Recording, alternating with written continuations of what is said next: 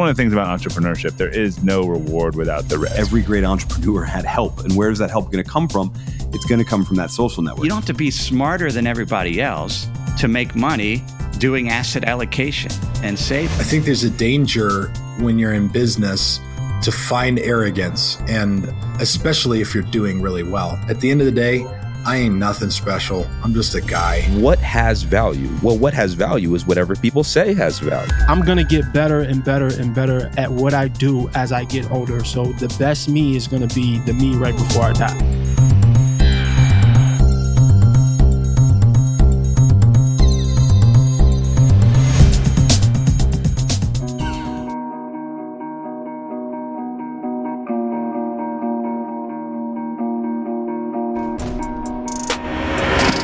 Hey, internets, welcome to episode 119 of the Marketplace Podcast. I'm your host, Priest Willis, and today I'm joined with Du'An Lightfoot. Du'An is a Cisco certified systems administrator, a YouTuber, and founder of the Lab Everyday movement, which is a powerful advocate for career advancement. His inspiring nuts and bolts advice gets you right on track for making your career shine. Du'An, via his Lab Everyday movement, shares the demands, tactics, and mindsets you need to succeed in systems administration, but also just in careers in general. So, Du'An and I had a great talk, an inspiring talk about his journey through his early beginnings to the military and ultimately to what he's doing now with his certifications and what he's done to inspire others. Du'An is a great guy that I enjoy talking to. I'm always inspired by what he's doing out online on YouTube and with his own family. So without further ado, here's my man, Du'An Lightfoot.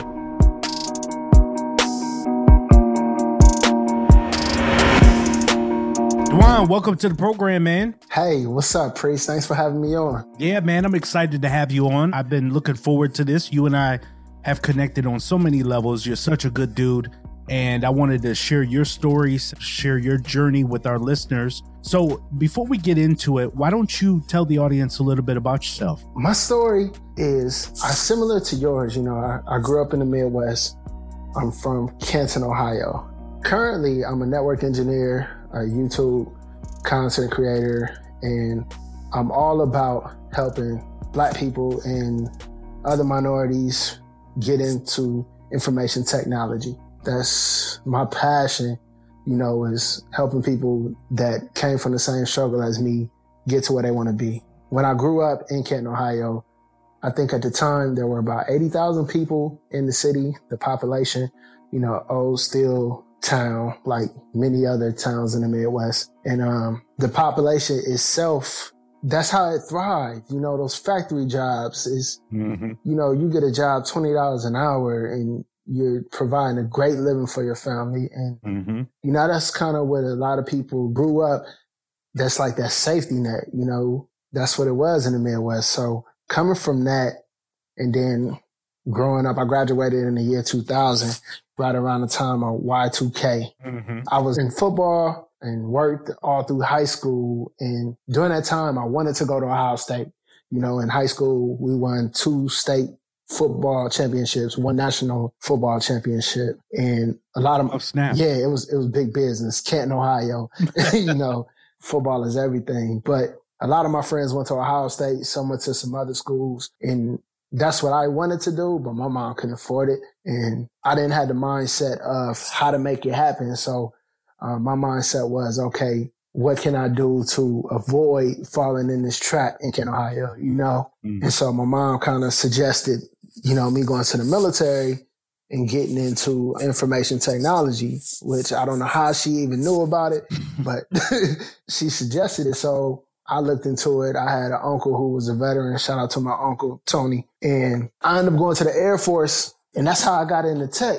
And man, I, I, when I started, it was like Windows 2000 and Windows NT. Windows NT was like on the cusp of Windows NT 4.0 and Active Directory was getting rolled in. So I kind of got right in the boom of information technology, you know?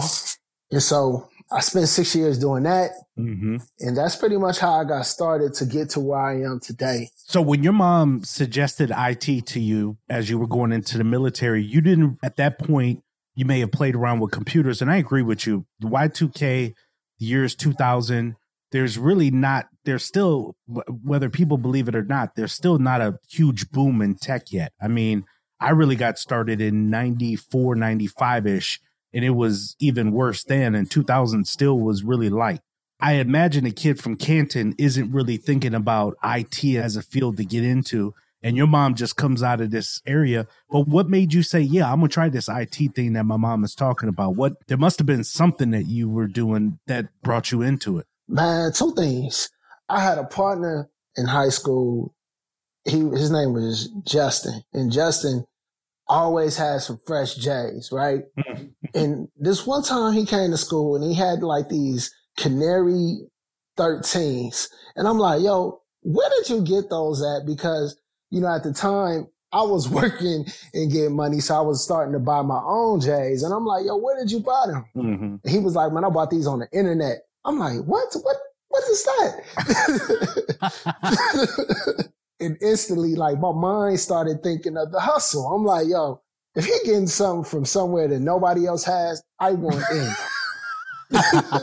that must have been like East Bay or something. He was he was on by then. Nah, it wasn't even East Bay. It was it was some site overseas in like China. Oh, that was that was the bootleg site. He he went to West Bay then. That was West Bay. Yeah, but this is before this is before that was a thing. Okay. Like this was like ninety seven. Yeah.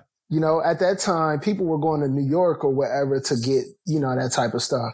And so I started, you know, being curious then. And then when my mom suggested it to me, you know, Y2K was happening. And the thing about Y2K, they was like, the computers is going to say zero and the world is going in. And I'm like, what? and so for me, it, I was just curious to know about technology at that point. And so going into the Air Force, um, you know, I scored really well on the ASVAB and I was able to get into tech. And so, I mean, that's that's how I got in.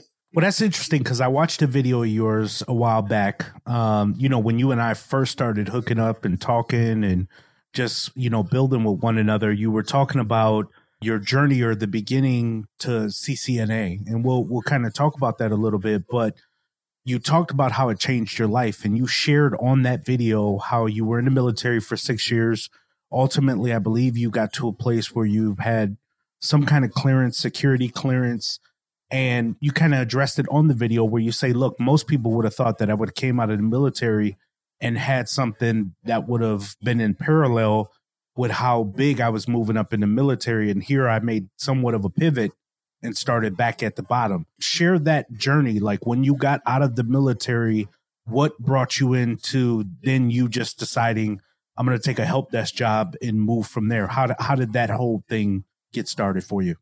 Well, I had in the military, you know, I did a tour in Afghanistan.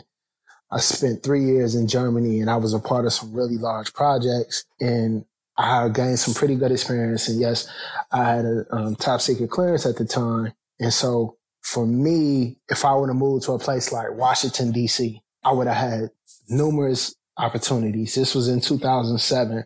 So think pre-cloud, pre what everything pretty much as we know it now, or the beginning mm-hmm. of the way technology has evolved. But moving to the Midwest, Kansas City, the clearance jobs and the government jobs and the opportunity to utilize the skills that I obtained weren't really available. But at the same time, the resources weren't really available as well to help someone transition from the military. Like there were programs to help you do this. But when I got out the military, I actually transitioned in Andrews Air Force Base, which is in DC. Then I moved from there to Kansas City, you know, so I didn't really transition here to, you know, have boots on the ground the military helping me get a job. So yeah, I think that's I think that's kind of cool because one of the things that you did was you still kind of moved around, sort of within your field more or less. I mean, you're still in tech. You get into help desk. You're in help desk for six, seven years. Tell me if I'm right or wrong there. Yeah, yeah, six years. And then at that point, while you're there for six years, you decide, you know what, I could be doing more, and I don't want to do this necessarily for another six years. So what clicked inside of you at that point? What did you what did you decide to do right then and there? Man, Priest, you know, being from where I'm from at the time, you know, I was 25 years old. I'm making 20 something dollars an hour. I got one kid. For me, being on the help desk in that position, I'm going to a call center every day. My work is chill. I got great relationships with everybody in the building. I felt like I could do that job forever. You know, like I'm waking up going to high school. That's what it felt like Mm. every day going to work. You know, so what happened was the call center was actually closing. Right. And um, I kind of got forced to grow up and have a better lifestyle. Then I met my wife and we got married and had another child. So all of this was happening at the same time. And it's like, okay, I've been in this way too long and I didn't really realize that, okay, this wasn't going to last forever. I should have been made a decision to move. So once the call center started closing, that's when I made a decision to go to a boot camp to work, get some certifications and improve my skill set and make a change for myself and my family. Yeah. So for those that are listening that may not be as familiar of what we're talking about, help desk. I worked on the help desk too. I used to work at Children's Hospital in Wisconsin on a help desk. And at that time, for me, we used to do a lot of printing out of the bills for the internal hospital. We used to watch the servers. Sometimes you would swap tapes and you would literally sit around and make sure the servers didn't crash. And when it did, you were essentially there to reboot it. We're talking about big mainframes and the whole bit. So you were in the basement, you had access and all that kind of stuff. So that was my experience with help desk. And then we would run around the hospital and fix the laptops and printers in the different units, the ICU units and all that stuff. What's the difference for how you did help desk? And then how does that look in compared to being a network engineer, for example? well, from the time you did it to the time I did it, I wasn't in the basement. but every I, I, all I was trying to do was find a red stapler, man. That's all. yeah, where is my red stapler? the office office space reference for everybody. But um I was fixing PC load errors. so the call center that I worked at was like 2,500 employees, right? And when I first got hired on, there were two other guys that I was working with. And um, so was three of us support like 2,500 employees. And at times through, you know, health reasons, people taking other jobs, there was a time when I was the only one supporting that call center. So it, yeah, it was very busy. I don't want to say demanding because for me, the work wasn't hard. You know, Mhm. I, I love what I do. So going to that job, that environment, it was never stressful. Fast forward to what I do as a network engineer, as in that position, I was desktop support. So I was fixing desktops, laptops, working on VPN connections, making sure everybody can pretty much do their job Mm-hmm. to support the business and support production.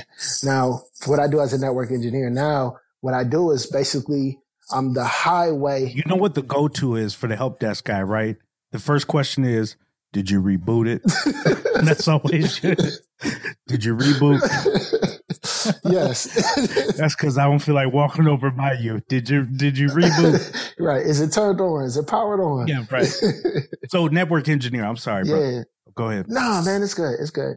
So as a network engineer, what I do now is I pretty much maintain, support, and implement the highway to help you get to Google. You know Mm. what I mean? Mhm. That's what I pretty much do in a, in a short, brief understanding for people that may not know what a network engineer is, but we're the people that connect you to the internet. We're the people that ensure your Wi-Fi connection is working at your place of employment, in your home, all of that, the behind the scenes stuff to help you do your job. Except for servers and websites. So I don't, if you ask me, do I design websites? No, I do not do that. That's more of a software developer. Yeah, you're more on the back end to make sure people can stay up and running and make sure that they can build the websites and so forth. Right, right. Du'An, let's talk about a couple things. So first of all, this is essentially your day job, right? I want to I want to try to separate the two here because I do want to get into this cool movement that you created whereas once people start looking this up on Twitter, this is where I really appreciate Du'An. Du'An talked about earlier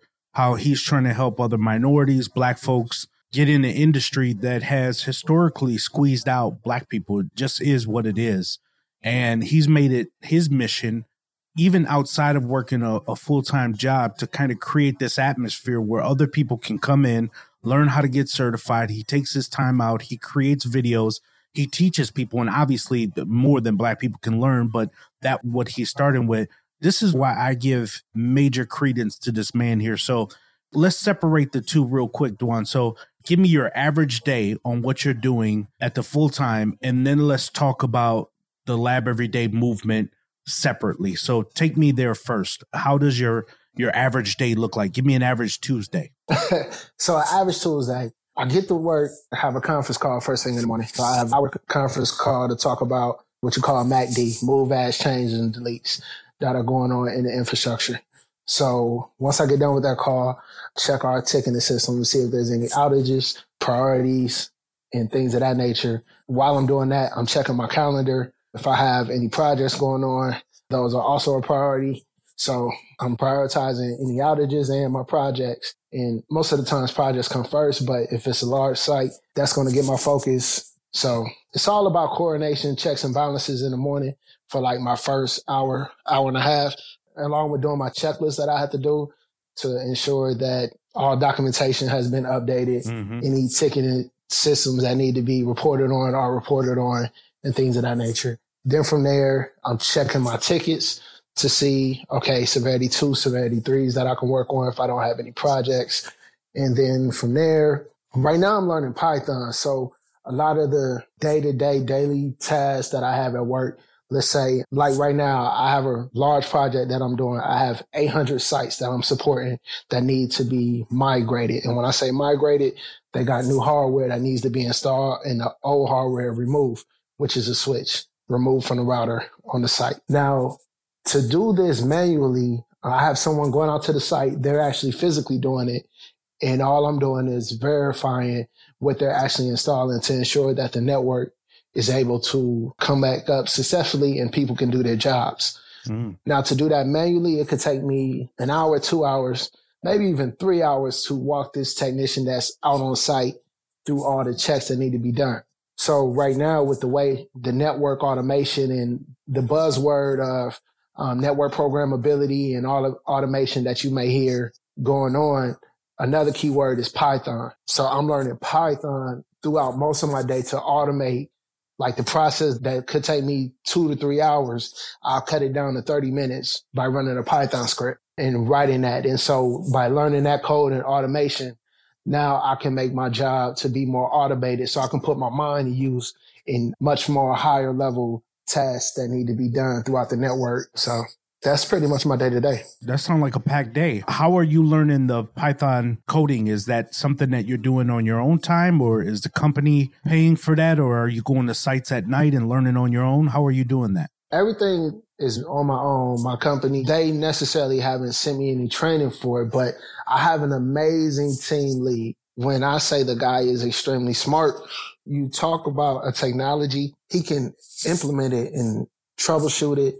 You talk about a coding language, he can write in it. There's nothing I haven't seen him that I have seen him struggle with. So working with somebody like that has helped me grow leaps and bounds especially coming from being a system administrator for three years into the position that I am now. Mm. So working with him has been a tremendous amount of help. Yeah, it's always amazing having good leadership in the workplace because a lot of times people feel undervalued at work. They feel like they need mentors or people that they can glean from. And a lot of times, you know, this is for companies that are listening. People don't leave companies or businesses, they leave the manager. If the manager isn't providing value for them, then typically they go find where that value is at, especially if you're not supporting them in some way. Now, I'm I'm a firm believer as well, by the way, Du'An, on kind of learning on my own, just at spending a little extra time at night, learning a new code or learning something else. It's how I learned HTML. It's how I learned CSS and all that other stuff. So right. hats off to you, man, for trying to get into a different code. And I know Python and JavaScript and there's other codes out there that people are learning how to write to help them be more efficient with their jobs and people are learning different scripting things for Excel to take a 8-hour job and turn it into a 1 or 2-hour job. I think that's smart. That's really good. Thanks, man. Yeah, for anybody that wants to get into learning Python, there's so many resources online. There's free resources, but I've been in this position now for about six months almost. And when I first started, I picked up Python, but it never really clicked. But once I had got tasked with some very large projects that the only way that I could really be successful is by learning to code, that's when it began to click. So by actually implementing in something that's going to benefit you, that's how I learned. Yeah, one of the first sites that I go to, just for those listening, is freecodecamp.com. And the CEO, we've had him on the show. He's amazing. True. I think uh, Python may be one of the languages that they teach. I'm not 100% sure, but if somebody is trying to learn a new language, is it one of the ones that they teach out there? Yeah, there's like when if you search for it on Google, I think like one of the top two searches is a guy that has a four hour course on Free Code Camp. I seen it the other day. That's a great site. That's kind of my go to as well. So you talked about what you do during the day, Du'An. Now at night, which is again even more impressive, where you start live streaming on YouTube. You talked about being a content creator on YouTube. Share with the audience about the Lab Everyday movement and kind of what you're creating there and the value that you're offering different people on YouTube and you know share details around that. I think this is really important. Yeah, so you mentioned before about the CCNA changing my life, which is a Cisco network engineer or a networking associate um, certification. And that certification there, when I was going on the journey for that, up until getting my CCNP, one of the things I noticed while I was doing all my training and looking for research on how to become a network engineer, I didn't see anybody that looked like me that was putting out content. And I said once I received my CCNP that I would give back to others. And so once I did accomplish that, which I received my CCNP in 2016, I took some time off, spent it with my family because achieving certifications like that are very demanding and it requires a high level of sacrifice. So after spending time with my family, I started my YouTube channel to put out labs to help people get trained and get certified.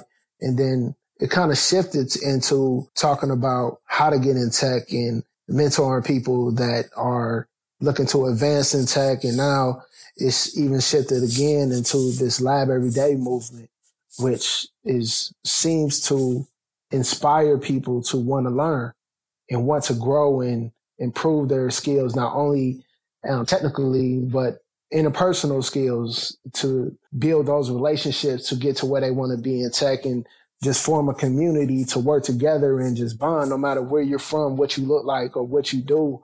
We're all in this together. So it's, it's evolved into something that's, I think is beautiful. Yeah, I do too. I mean, you did a, a recent meetup in the DMV and you did it live where you kind of showed the webcam up and the people coming out and working and laughing together. Dude, I was I mean, to me, that's that's superhero material, man. When you kind of go out and change people's lives. And there's young people, I think there was a 15 year old kid or a young man that tweeted with your name in it and mentioned that he got certified and was excited about it. And you champion everything that they do man that's super cool. I think that's what building a community is about. And i think you're doing it the right way. You're using youtube. Currently you have about 16 17,000 subscribers. I mean dude can you imagine a room full of 16 17,000 people willing to listen to your message i mean sometimes we tend to overlook our accomplishments, but what you're doing out there is really impressive, man. Thanks, Priest. You know, it's, it's been all organic. I'm really critical on myself on where I want to be in life. Yep. And so I've been learning to balance, you know, my personal career goals along with helping people and trying to have a healthy balance of, okay, if I'm getting to here, giving back to make sure that I'm helping people get there as well and get beyond me, not just where I am, but to surpass me, whatever I can do to help Mm. whoever get to wherever they want to be. As long as it's their dream, I, if I can help you, that's what I want to do. Mm. That's deep, man.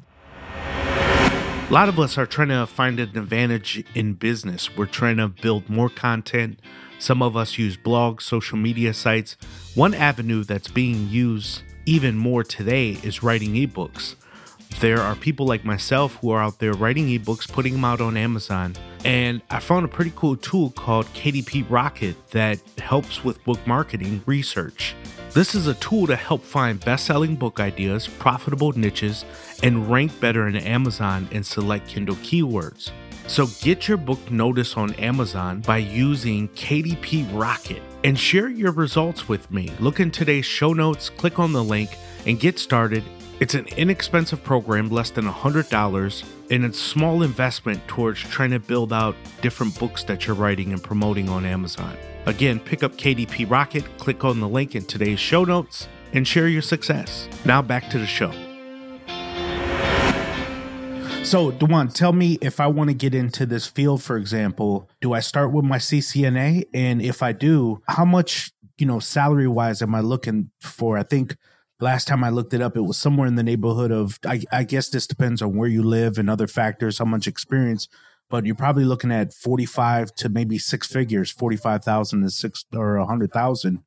Eh, Does that sound about right? That's correct. Okay. Look at it this way. So if we broke down certifications like in the average, let's say the average, the median of salaries are in whatever state that is in America, wherever the median is. And let's say the median goal to have a good life is $20 an hour or $25 an hour, right? Well, in that area, you have what you call the A. And now this is for worldwide certifications. It's mm-hmm. through the company called CompTIA. CompTIA is A plus, teaches you basic hardware computers. So building a computer, your memory, your RAM, your hard drives, your CPU, everything iOS, this, whether it's Windows or Linux, it teaches you a baseline understanding of computing, right? Let's say that certification gets you anywhere from 12 to $20 in that area, right? And then from there, um, you have numerous certifications through, a, through CompTIA, which can be the Network Plus, which teaches you the baseline understanding of networking. Mm-hmm. And then you have Security Plus, which if you want to get into information security, that's going to be the baseline cert to get you into security. Now, the great thing about security is that if you can find the right job that's going to give you a security clearance or something like that, you can actually start out with the Security Plus making $30 an hour. And that's entry level getting into information security. So that's on the CompTIA side. Now, if you want to be something like a network engineer, that's going to start you at the Cisco Certified Networking Associate certification, which is the CCNA. So that certification there, you can look at probably about $20 an hour, $18 an hour on up to, like you said, 100,000. But the 100,000 in is going to be a whole lot of experience behind that. But for hmm. entry level, someone with no experience, you can look at, you know, 18 to 20 dollars an hour with the CCNA. Well, you've been at it a while. That means you balling. So let me hold fifty dollars until till I get my taxes, and then we'll square up there. You know? but No, we can talk numbers though. I I will talk numbers with you. okay, So I mentioned when I was on the help desk, I, I maxed out at about twenty two dollars an hour, right? okay, And then before I got my CCNA, let's say I topped out at 50K. And then let's just say when I got my CCNA, the current place of employment couldn't match it. okay. So that's why I left. So listen, he's already let you know that certifications are the difference makers. I mean, that's kind of what you know will add more value to your bottom line if people are starting to look. I mean, listen, I think it's always worth, Du'An. I know you agree with me here. We've talked other times, but I think it's always worth investing in yourself, whether that's certifications, learning new codes, whether that's people reading more books, getting different understandings. You should never stop learning anything new. You should always challenge and stretch yourself. Hey man, that's a full life. That's what it means to live. Yes. In technology, you have to keep learning. There is no days off. There is no, okay, I'm going to be in this job forever. Cause in no matter what domain you're in, jobs aren't lasting like they used to. So whether you're a doctor, a nurse, whatever you may be, like you constantly got to improve your skills. If you're a web developer, a network engineer, technology is evolving every day. Mm, And what you were doing today probably won't be around tomorrow. So very you can take the same knowledge that you were using and build upon that daily and you're going to survive. But if you just keep that same knowledge that you had, that's like you being a player, Mm. you know, back in the seventies and then you go to jail and come back with that same game and wonder why you ain't winning. that's that's so true. that's so true. It's, it's so ugly. I don't want to see any seventy players out there. That is a that is a rough looking scene right there, brother. Exactly, man. Exactly. I want to see you win out here. You know. So, what advice do you have for people that want to get into networking? So, I'm going to ask a two part question. First of all, do I need college to get at the level that you're at today? I think the better question is Does college actually have value? Mm, yes, it is a better question. Or, in your terms, does what is the ROI on college?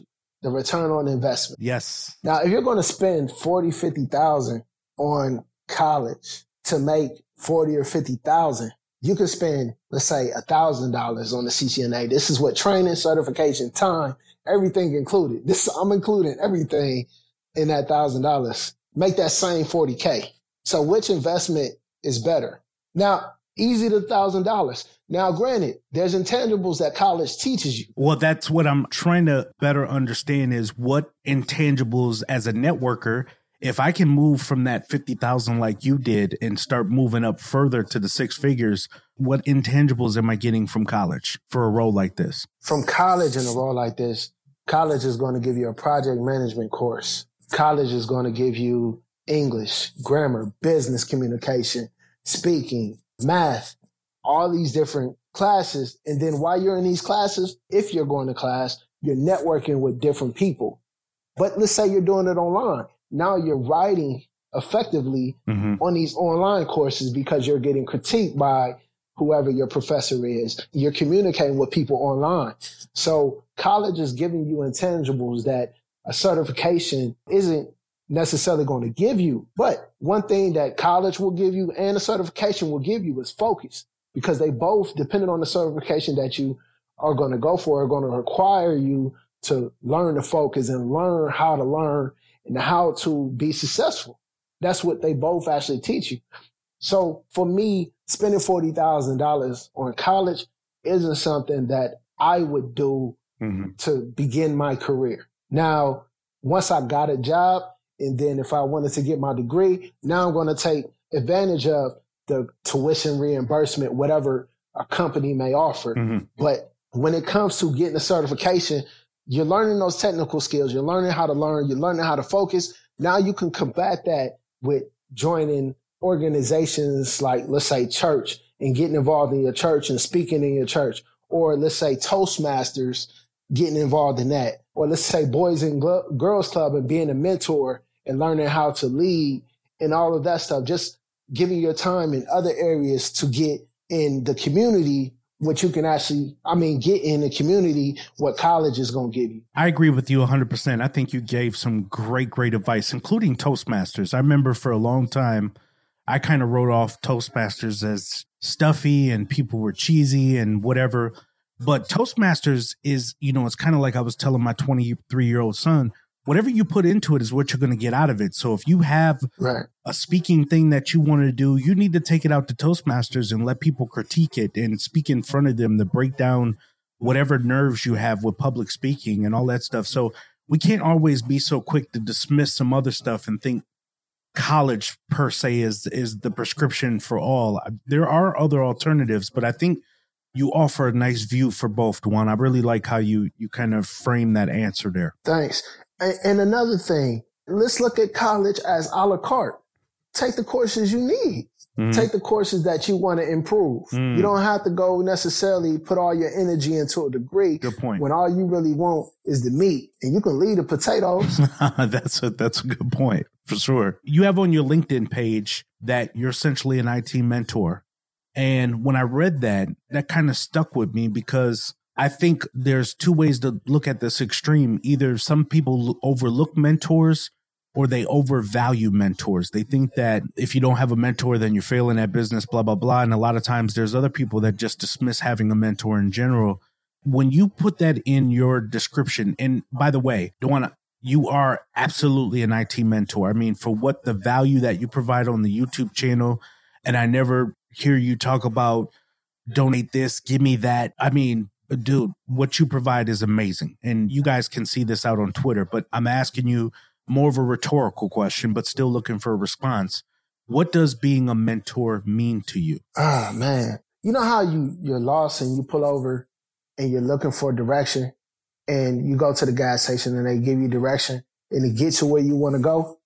To me, that's what a mentor is. It's not necessarily that's going somebody that's going to hold your hand, but it's somebody that has a roadmap and you're able to clearly follow it. That's good. So it's like somebody that is like a checkpoint for you on your journey that every now and then you look to say, do you think I'm still going in the right direction? And maybe somebody to provide some guidance for that, if you will. Yeah, he's not necessarily going to be there the whole time on your journey.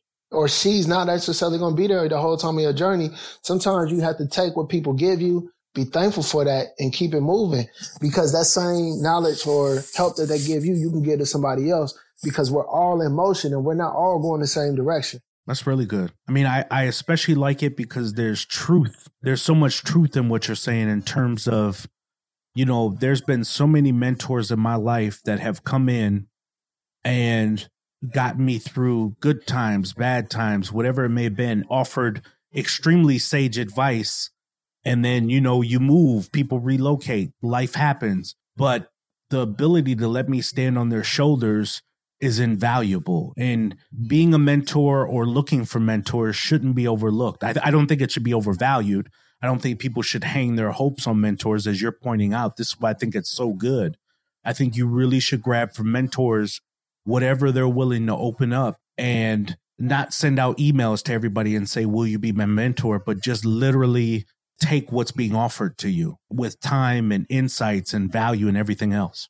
Man, Priest, you know, when I first connected with you, I genuinely shot you out because I saw you on Network Engineering Truth. I saw something you had with him on his channel, mm-hmm. and I just had to pay you respect. And I wondered genuinely how you got to where you are. Because I'm the type of person, I just need one conversation and I'm going to hear everything you say and take it and process it later. I'm not going to take up your time trying to process it. I'm going to take it mm. and be like, okay, he said this. He used this and it worked for him. Mm. All right, cool. Now, thank you, priest. I'm going to see if this applies in my life. And if it don't, I'm going to leave it.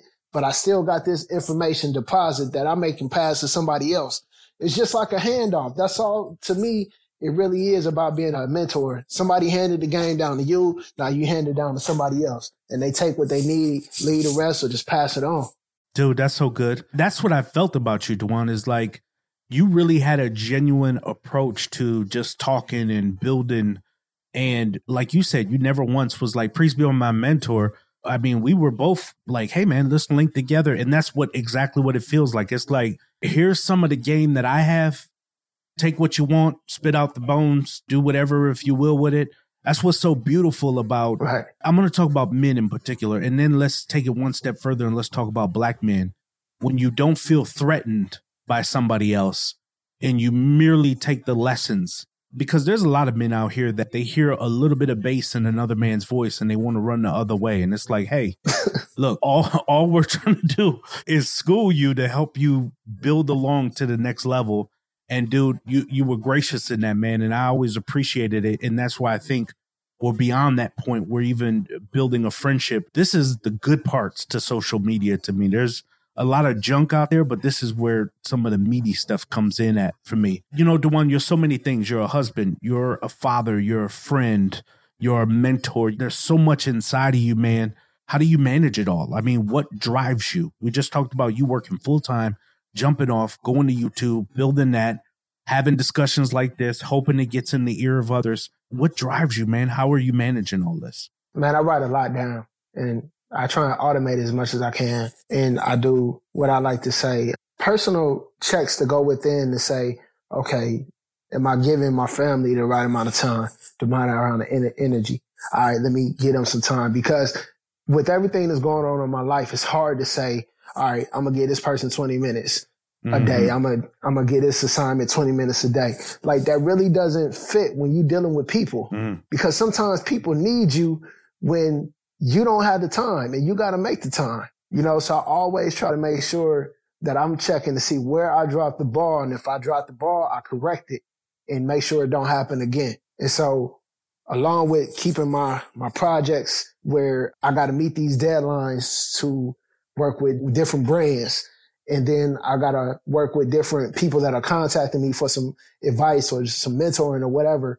I'm making sure that I'm giving them the proper amount of attention because it's nothing worse when somebody you look up to contacts you and they say they're going to give you time and they don't give it.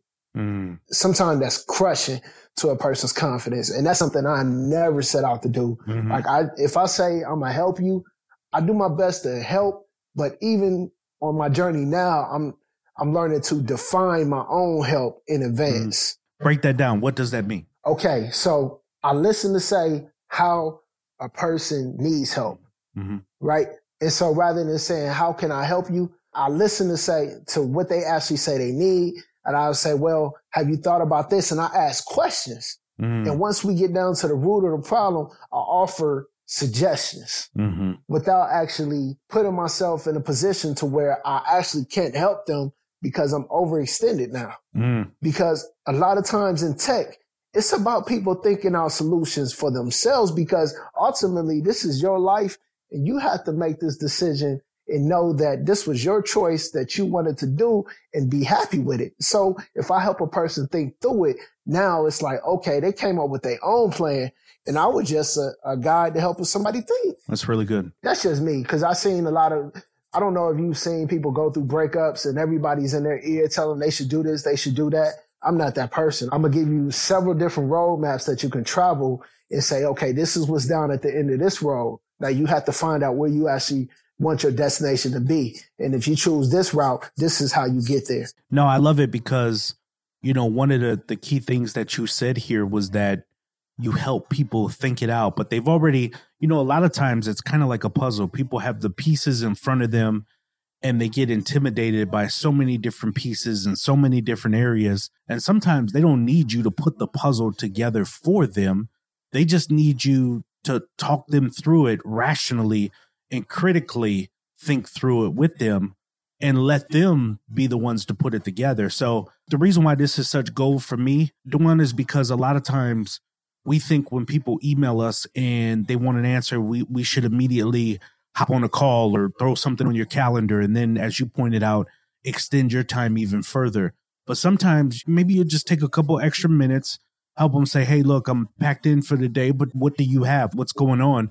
and seeing if you can address their need a little sooner and maybe package that in a little sooner. It helps you not overextend your time and it still helps them whatever their need is. And they maybe couldn't explain what their need was because they didn't know how to explain it. But as you help think them through it, that's all they're really looking for. Yeah, man. I've definitely learned how to practice discernment, you know, to know, all right, I really need to give this person some time to hear what they're going through. And sometimes, man, it brings tear to my eyes to hear people's stories.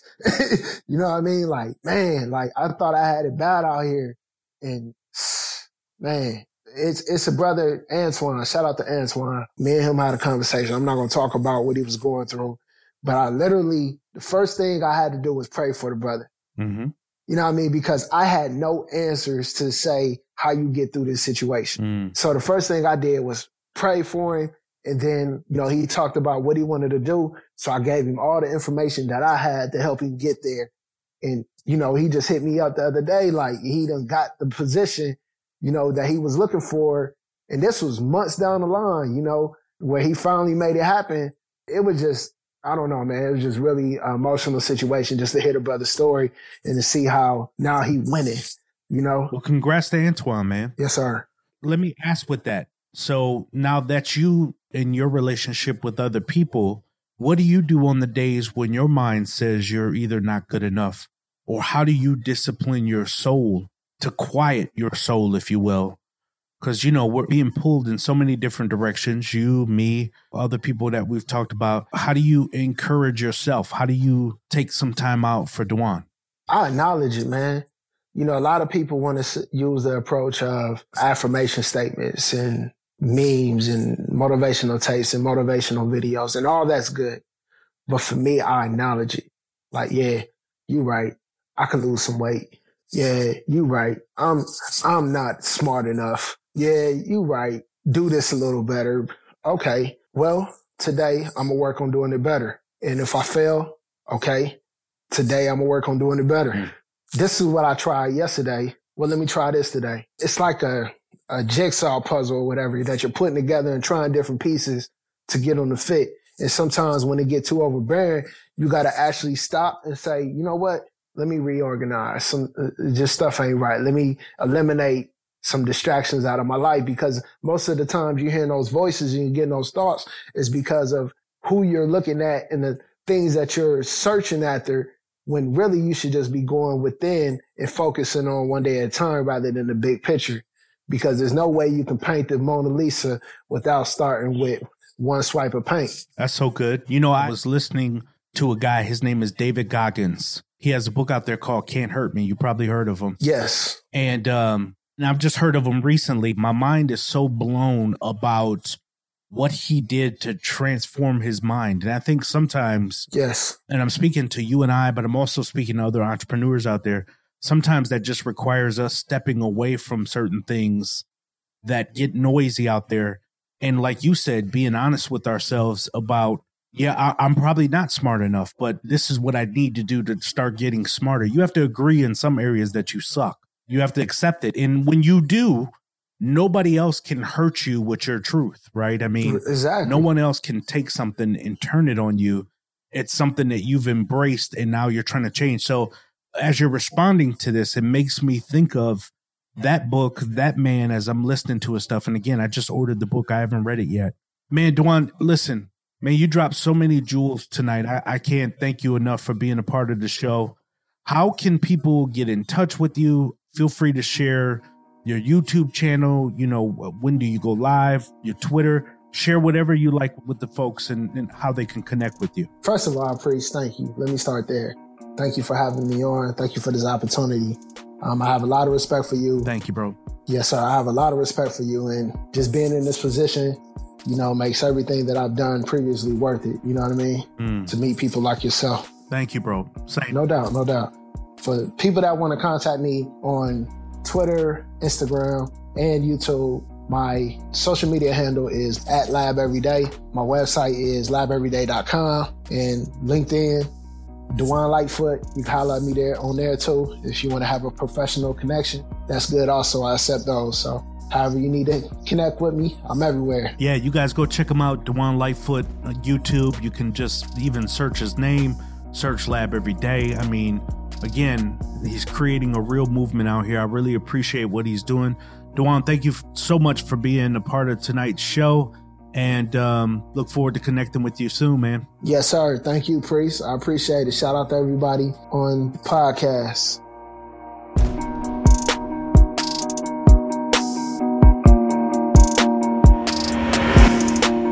So happy to get Du'An on. We never had an opportunity to talk to anyone in the networking field in terms of hardware, Cisco certification, anything along those lines.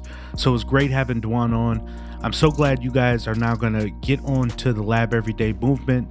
He's a good guy to follow. You can see so many different people that he's inspiring out there. I've seen young folks and older people, black people, white people. I mean, it's obviously people are looking for different careers and different paths aside from the one that they're currently on and he's at the pivot point of that and I'm I'm really inspired by his story and what he's doing out there. So I hope you guys enjoyed it. Until next Sunday when we have another new podcast episode of The Marketplace, please leave feedback on iTunes, check us out on Spotify, go see us out on Google Play, all the areas where you can play a podcast. If we're not out there, then let me know and I'll definitely make sure we get out there. But thank you so much for your continued support and joining us. And look forward to speaking to you next Sunday on the Marketplace Podcast. I'm the best ever. My style is impetuous. My defense is impregnable. And I'm just ferocious.